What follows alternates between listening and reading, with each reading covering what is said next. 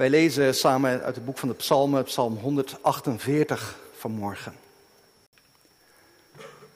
Halleluja. Loof de Heere vanuit de hemel. Loof Hem in de hoogste plaatsen. Loof Hem al zijn engelen. Loof Hem al zijn legermachten. Loof Hem, zon en maan. Loof Hem, alle lichtende sterren. Loof Hem, allerhoogste hemel en water dat boven de hemel is. Laten zij de naam van de Heere loven, want toen Hij het gebood, werden zij geschapen. Hij heeft ze vast doen staan voor eeuwig en altijd, hun een orde gegeven die geen van hen zal overtreden. Loof de Heere vanaf de aarde, zeemonsters en alle diepe wateren, vuur en hagel, sneeuw en damp, stormwind die zijn woord doet. Bergen en alle heuvels, vruchtbomen en alle ceders, wilde dieren en alle vee, kruipende dieren en gevleugelde vogels. Koningen van de aarde en alle volken, vorsten en alle rechters op aarde, jonge mannen en ook meisjes, ouderen en jongeren samen. Laten zij de naam van de Heere loven, want zijn naam alleen is hoog verheven. Zijn majesteit welft zich over aarde en hemel. Hij heeft de hoorn van zijn volk opgeheven, de roem van al zijn gunstelingen, van de Israëlieten, het volk dat nabij hem is. Halleluja. Dit is vandaag voor u en voor jou het woord van God. Gelukkig zijn we als we daarnaar luisteren en ons leven daarnaar richten. Amen. Broeders en zusters, thuis met ons verbonden, hier samen in de Sint-Janskerk, gemeente van Christus. Ik moest bij Psalm 148 denken aan een lange optocht. Bijvoorbeeld zoals bij de avondvierdaagse. Een lange rij van kinderen. En soms wordt er door al die kinderen ook een lied gezongen. Zo ging dat in ieder geval toen ik als kind meeliep met de avondvierdaagse. En het leuke van zo'n lied dat je met elkaar zingt, is dat het ook helpt om vooruit te komen. Je vergeet dat je moe bent, je kunt het beter volhouden.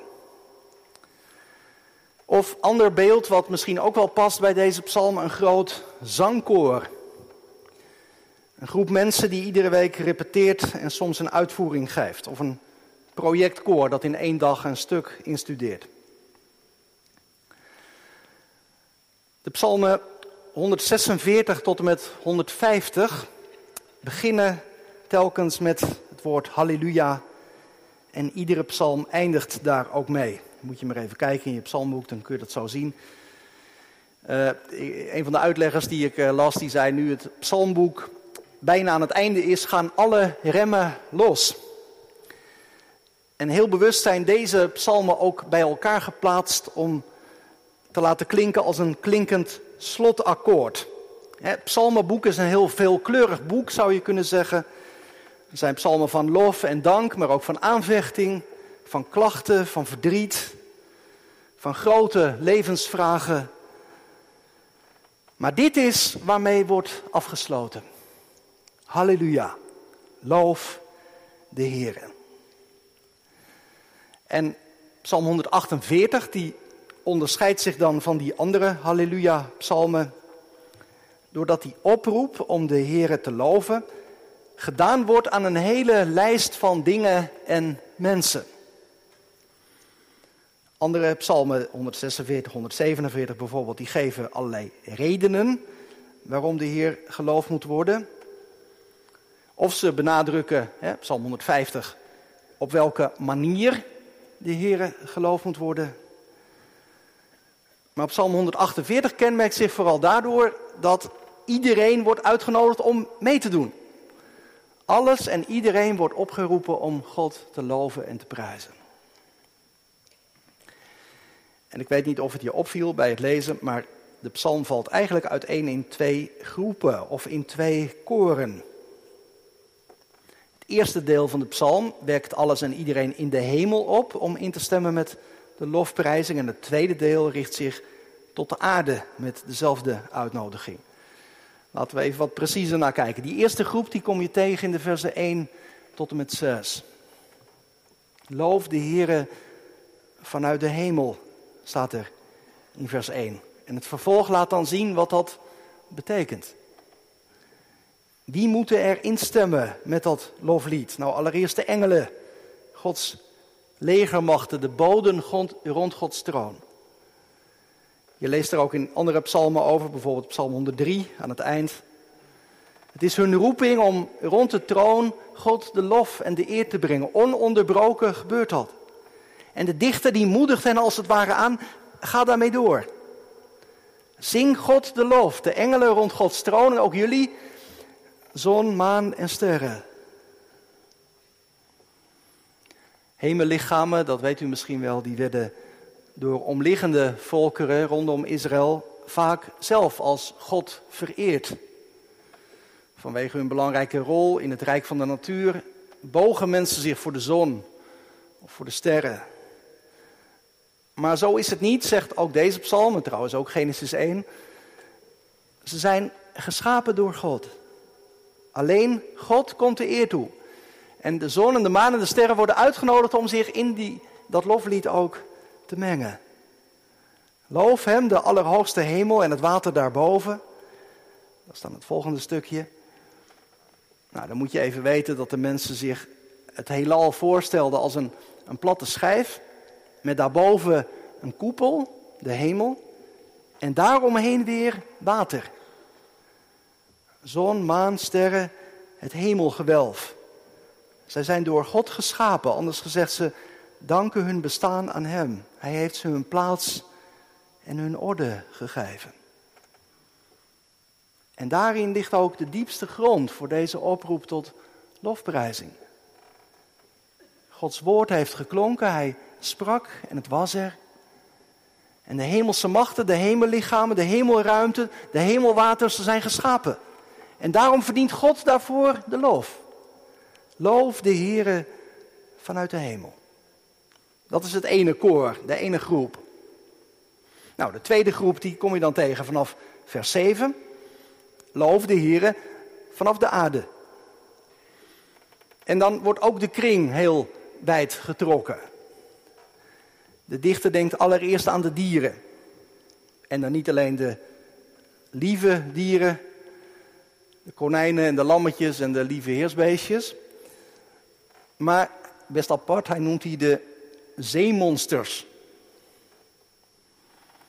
Misschien een beetje een aparte uitdrukking voor ons. Waarom komen nou die zeemonsters hier voorbij? Uh, nou ja, dan moet je weten dat voor de meeste Israëlieten de zee iets angstaanjagends had. Daar moest je niet te dichtbij komen. In de zee school het gevaar. En de diepe wateren die waren ook symbool voor het, voor het kwaad. Voor de machten en de krachten die zich verzetten tegen God. Maar dus ook dat angstaanjagende water, ook de zeemonsters, dat is om zo te zeggen het kwaad in het kwadraat, die worden ook opgeroepen om mee te loven. Ja, heel de schepping wordt aangemoedigd om mee te zingen. Inclusief de elementen. Weer en wind, vuur en hagel, sneeuw en rook, bergen, heuvels, vruchtbomen, ceders, landdieren en vogels. De dichter die gaat ervan uit dat de schijnbaar dode grond, de gevaarlijke natuurkrachten, de machtige bomen, de dieren in de lucht, op de grond, in de zee, dat zij allemaal op hun eigen manier kunnen instemmen met één groot koor dat de hele aarde omvat en dat niet anders kan doen dan de lof van de schepper bezingen. Nou ja, dat zeg ik nou zo, de lof van de schepper bezingen. Hè, dat is een beetje de eerste associatie, denk ik, die wij hebben met, met, met loven en prijzen. Daar ga denk je aan zingen. Nou, dat is natuurlijk ook een beetje ingewikkeld. Hoe moet je dat dan indenken bij bergen en heuvels en, en vruchtbomen en ceders? Het gebruikte, gebruikte Hebreeuwse werkwoord hier betekent zoiets als bewonderen of ophemelen. dingen zonder bewustzijn, die kunnen God niet loven met hun stem.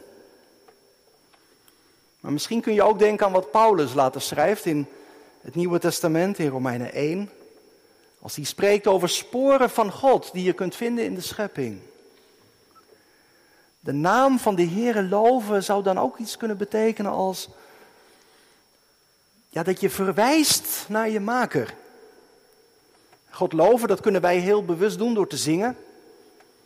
Maar dat kan ook doen door, dat kun je ook doen door te doen waarvoor je bent geschapen.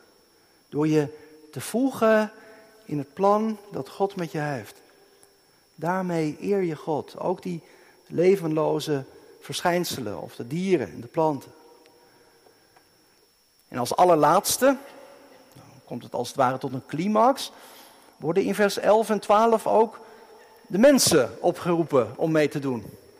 Allemaal, van hoog tot laag, van jong tot oud, de mannen en de vrouwen. In het zingen vallen rangen en standen weg, want het gaat om de eer van Hem, aan wie ze allemaal hun bestaan te danken hebben. En zoals in vers 5a alles wat in de hemel is wordt opgeroepen om God te loven, zo in vers 13 alles wat op de aarde is. Laten zij de naam van de Heere loven. En de reden staat tegelijk achteraan in vers 13, want zijn naam alleen is hoog verheven. En zijn majesteit welft zich over de aarde en de hemel. Er is maar één God. Andere machten die zich aandienen als God, die vallen uiteindelijk in het niet. Deze God staat erboven. Zijn hoogheid overtreft niet alleen de aarde, maar ook de hemel. De dichter wil overbrengen, God staat boven alles. De ruimte omvat hem niet, hij omvat de ruimte zelf. Zijn naam, de naam Yahweh, Heere, is hoog verheven. En daarom moet iedereen instemmen met het loflied. Nou, dat is een prachtig doel, dacht ik. Sowieso een prachtige, hooggestemde psalm. Maar, denk je misschien, is het lied niet heel hooggestemd? Sowieso is het voor ons mensen, ons moderne mensen, denk ik, veel moeilijker geworden om deze wereld zo met God te verbinden als de dichter dat doet. En dat deze hele wereld ons verwijst naar de schepper, dat vergeten wij heel gemakkelijk. Dat heeft denk ik te maken met onze natuurwetenschappelijke blik, die wij allemaal toch op een bepaalde manier met ons meedragen. Die heeft ons denk ik minder ontvankelijk gemaakt. Nou, in die zin is dit lied denk ik ook een oproep om ons daarin weer te oefenen. Om je erin te oefenen om deze aardse werkelijkheid te verbinden met God de Schepper. Als je binnenkort op vakantie bent en je loopt ergens door de ongerepte natuur te wandelen. Maar ook als je gewoon thuis blijft en een rondje fietst. Of als je alleen maar in je kamer zit. En intussen toch ook zicht hebt op de wolkenlucht buiten. En de bloemen voor je raam. Dit lied is een oefening, gemeente. Om in onze omgang met de werkelijkheid om ons heen de schepper op te merken. Daarom zingen wij straks aan het einde ook dat lied. Laat dan mijn hart u toebehoren. En laat mij door de wereld gaan met open ogen, open oren. Om al uw tekens te verstaan. Deze wereld is vol met tekenen van Gods aanwezigheid. Maar zien we het ook?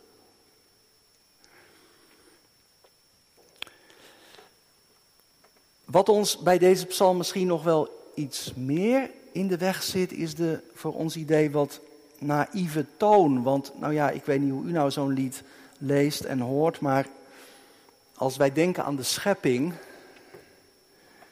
dan kun je natuurlijk best afvragen of er niet eerder reden is voor een klaaglied, toch? Als je denkt aan de uitbuiting van de aarde, de uitputting van fossiele brandstoffen, een hele eilanden van plastic in de oceaan die het hele ecosysteem verstoren. Als je denkt aan vervuiling van de lucht, aan de gevolgen van de intensieve veehouderij, aan gletsjers die afbreken, de opwarming van de aarde. Er is toch niemand van ons die daar nog zijn ogen voor kan sluiten, toch? En nog los van dit alles is er ook in de natuur zelf niet heel veel vreedheid. Misschien kent u dat verhaal van Multatuli over dat gesprek tussen een vader en een zoon. De vader die zegt tegen zijn zoon, kijk eens jongen hoe mooi God alles heeft gemaakt.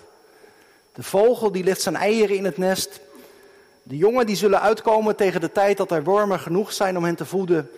En dan zingen ze een loflied ter ere van de schepper die hen overlaat met zijn weldaden. En dan vraagt de zoon aan zijn vader, ja maar vader, zingen die wormen dan ook mee? Ja, goede vraag. Loopt er dwars door deze schepping ook niet een hele diepe scheur? Een scheur door het dierenrijk, een scheur door de wereld en ook een scheur door ons mensenleven. De goede schepping van God is op allerlei manieren ook kapot gemaakt. Wat dat betreft is er inderdaad reden voor een klaaglied. Niet zozeer om God aan te klagen, maar vooral onszelf. Want die gebrokenheid en die diepe scheuren die door de schepping lopen, die komen niet bij God vandaan, die zijn niet zijn werk, maar dat van ons.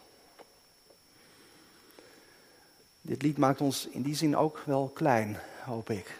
Goed om dat straks ook in het gebed nog bij God te brengen. Wat hebben wij ervan terechtgebracht, van die hoge roeping die God ons heeft gegeven? Nou, als we met die dingen in ons achterhoofd nog een keer naar de psalm kijken, dan valt mij nog weer iets anders op. Allereerst dat God zo centraal staat. Wij worden steeds weer opgeroepen om de Here te loven. De God die zegt, ik ben die ik ben. Ik ben trouw aan wat ik schiep. Hij wordt geloofd en geprezen. En wat is dat anders dan te zeggen dan dat hij op nummer 1 staat? God loven betekent beleiden, hij staat in het middelpunt. Hem eren en prijzen om wie hij is. En dat geeft volgens mij ook een nieuw perspectief. Want is veel in onze omgang met de schepping niet misgegaan, omdat wij God uit het oog verloren? Dat zie je al in Genesis 3. De breuk in Gods schepping ontstaat omdat de mensen Gods woorden over de omgang met zijn schepping negeren. Denken, nou, dat hebben we niet nodig, dat kunnen we zelf ook wel bedenken. Daar hebben we God helemaal niet voor nodig, alleen maar lastig. Maar deze psalm die zegt dus precies het omgekeerde. Wij worden opgeroepen om onze menselijke hoogmoed af te leggen. En niet alleen wij, maar iedereen. Dus ook de mensen die het in deze wereld voor het zeggen hebben. De koningen en de presidenten, de multinationals en de opiniemakers. De aarde, de kosmos is niet van ons. Ze is niet ons eigendom, we kunnen er niet mee doen wat we willen. Deze wereld is schepping van God. Eigendom van de Heer. De schepper van hemel en aarde. En probeer eens voor te stellen wat dat zou betekenen als mensen zich daardoor zouden laten leiden. Als ze God allemaal zouden erkennen als de schepper, als de eigenaar van deze wereld. Als degene aan wie we dus ook verantwoording moeten afleggen. Van hoe we met deze wereld omgaan. Wat zou dat een verschil maken? Ook voor onszelf trouwens. In Psalm 148 worden wij uitgenodigd om God te erkennen als de Heer van ons leven. Alles is van Hem. En dat betekent dat wat ik met mijn leven doe, hoe ik omga met mijn lichaam, met andere mensen, met mijn leefomgeving, met waar ik mijn kleding koop, waar ik mijn eten vandaan komt, hoe ik mijn tijd besteed, dat dat allemaal niet los staat van God. Dat zijn geen allemaal verschillende vakjes. Alles is van Hem. Ons leven speelt zich voor Gods aangezicht af. Mensen kunnen het soms zo voorspiegelen, misschien heb jij dat ook wel eens gehoord. Op school of ergens anders waar je vertelde dat je, dat je gelooft en, dat mensen dan zeggen, joh, maar dan, dan mag je toch van alles niet meer. Dat is toch eigenlijk heel beperkend als je in God gelooft. Ja, maar dat is helemaal niet zo. God is niet de grote concurrent die je vooral op afstand moet houden. Integendeel. Werkelijk vrij zijn we juist als God het voor het zeggen heeft. Als we Hem de eerste plaats toekennen. En daarom is het goed om het elkaar ook vanmorgen toe te roepen. Loof de Heer. Geef hem de eer die hem toekomt. Moet je even meekijken, want vers 14 heb ik tot nu toe een beetje laten liggen. Vers 14, het laatste vers van de psalm. Het is wel echt anders dan de andere versen. En veel uitleggers die breken zich daar een beetje het hoofd over. Sommigen denken dat vers 14 eigenlijk beter past bij de volgende psalm, psalm 149. Maar ik denk dat dat niet nodig is. Moet je meekijken. Het gaat in vers 14 over de gelovigen. Over Israël, het volk van God. En dan in het bijzonder onder het gezichtspunt van wat God voor hen doet. Hij heeft de horen van zijn volk opgeheven. Staat er allereerst. Een horen, dat is in de Bijbel altijd een teken van, van kracht. God heeft zijn volk sterk gemaakt, betekent dat. Want het gaat om zijn getrouwen, om zijn gunstelingen, om het volk, zo staat het aan het einde, het volk dat hem nabij is, nabij hem is. En er wordt nog een keer onderstreept dat een bijzondere band God met Israël heeft. En waarom wordt dat hier nou zo benadrukt? Nou, om vervolgens volgens mij de bijzondere rol te onderstrepen die dat volk van God speelt in de lofprijzing. God heeft alles voor zijn volk overgehad. En daarom mogen zij ook voorop gaan in het prijzen van zijn naam. Nou, en inderdaad, dat thema wordt dan vervolgens natuurlijk in 149 ook verder uitgewerkt. En met Halleluja zing de Heer een nieuw lied. Zijn lof zij in de gemeente van zijn gunstelingen. Laat Israël zich verblijden in zijn maker. Laten zij zijn naam loven in rijdans. Israël heeft een bijzondere positie ontvangen om de lofprijzing gaande te houden. En als christelijke gemeente mogen ook wij in die roeping delen. Ook voor ons toch is God goed geweest. Door Christus mogen wij toch ook delen in die liefde van God. In zijn trouw en in zijn genade. Je zou kunnen zeggen, waarom zijn wij nou eigenlijk vanmorgen bij elkaar gekomen? Hè? Waarom zijn wij nou vanmorgen hier samengekomen in de kerk? Uh, professor Van Ruler, een hoogleraar uh, theologie, al jaren geleden overleden, die schreef een boekje Waarom zou ik naar de kerk gaan? Met een heel aantal redenen. Maar hij zegt, dit is de belangrijkste reden om naar de kerk te gaan. Dat wij de lofprijzing gaande houden dat wij als gemeente samenkomen om eer en aanbidding toe te brengen aan onze God. Dat is de roeping van ons als gemeente. Dat is ook de bestemming van uw en mijn en jouw leven. Er is een Engelse geloofsbelijdenis, de korte Westminster Catechismus, waarin de eerste vraag luidt: What is the chief end of man? Wat is het belangrijkste doel van de mens? Dan luidt het antwoord dat hij God verheerlijkt en zich voor altijd in hem verheugt. Dat hij God verheerlijkt. Dat hij instemt met de lofprijzing. Dat is het doel van het leven. En dat is gemeente wat wij hier in de kring van de gemeente oefenen met elkaar. Jongens en meiden, mannen en vrouwen, jullie zingen toch ook allemaal wel mee in dat koor? Of hou je je mond nog? Twijfel je misschien nog een beetje of je God wel op één wilt zetten. Of je hem wilt erkennen als koning. Nou, ik zou zeggen vanmorgen aarzel niet, want je zult er nooit spijt van krijgen. Zing mee in dat wereldwijde koor. Samen met de zon en de maan en de sterren, met de bomen en de bloemen en de dieren op het veld. Met koningen en presidenten en rechters.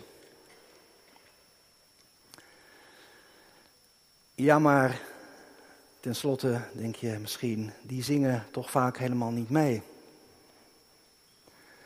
Dat blijft toch een beetje een merkwaardig lied.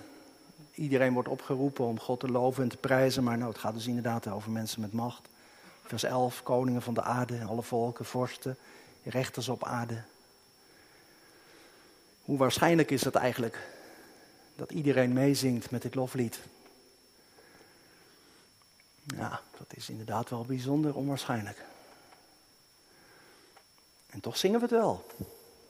Al wat geest en adem heeft, loof de Heer die eeuwig leeft. Loof verheugd, de Heer der Heren. We zingen dat niet, gemeente, omdat we het al zien. We zingen het niet omdat het waarschijnlijk is. Maar we zingen het omdat we het geloven.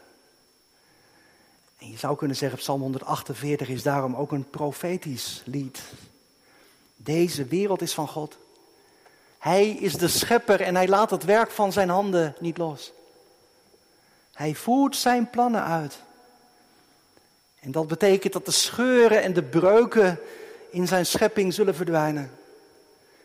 Dat eenmaal werkelijk iedereen zich zal buigen voor hem. Elke knie zal zich buigen en elke tong zal beleiden dat Jezus Christus Heer is. Heel de aarde zal eens een loflied zijn. Mensen en dieren, planten en bomen, zon, maan en sterren. Ze zullen instemmen met het loflied. Tot eer en verheerlijking van de Vader en de Zoon en de Heilige Geest. Gemeente, laten wij tot aan die grote dag de lofzang gaande houden.